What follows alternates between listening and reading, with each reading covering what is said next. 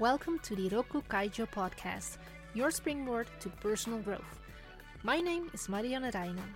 I am your host during this journey. Does this ring a bell? You get up in the morning and don't feel well rested. And then you have a whole day ahead of you going to work, grocery shopping, cooking. Oh, yes, and your family, partner, relatives, or friends, they also need your attention. Soon you come to realize that you drank some wine last night, went to bed late, and then spent quite a while on your phone. Could that have something to do with you feeling tired? According to some scientists, we need about 8 hours of sleep a day. There are people who say that 2 hours of sleep per night is enough for them. Others prefer to sleep 10 hours a day.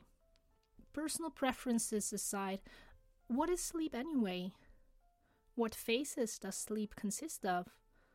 What affects the quality of your sleep? And why is good sleep important? 1. What is sleep?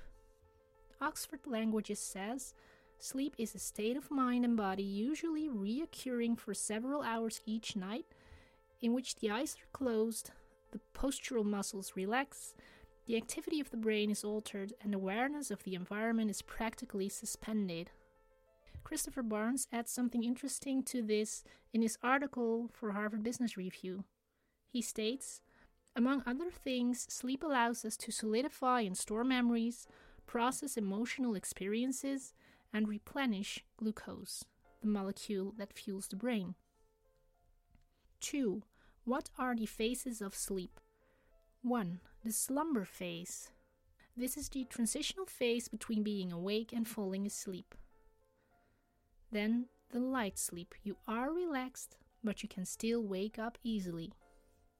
After that, it's the deep sleep. You are in deep relaxation and, so to say, far away. Last one, the REM sleep, also called the dream sleep. 3. What negatively affects the quality of your sleep?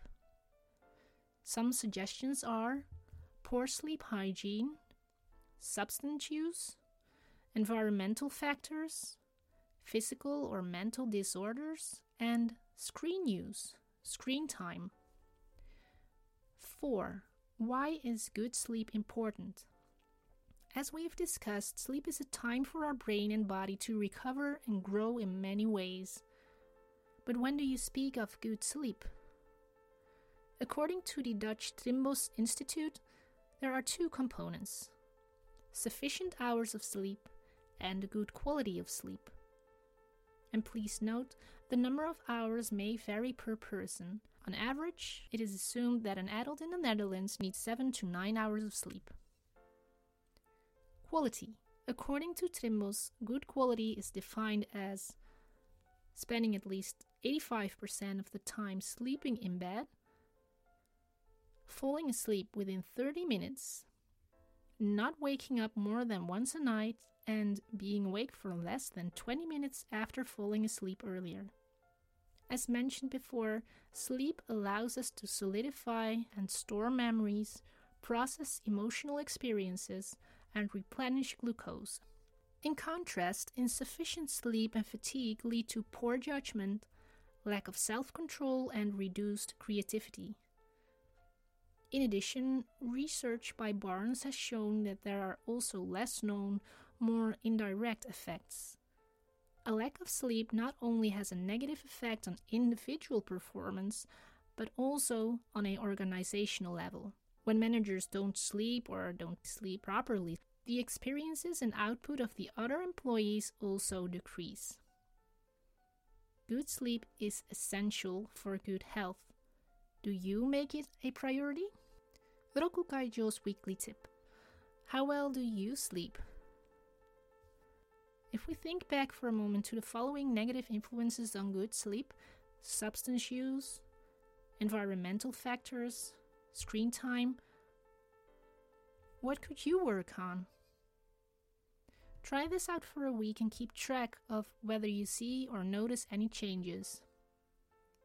Thanks for listening to the Rokku Kaijo podcast. Tune in every Thursday for a new episode. More information and the latest news can be found on the website rokku-kaijo.com.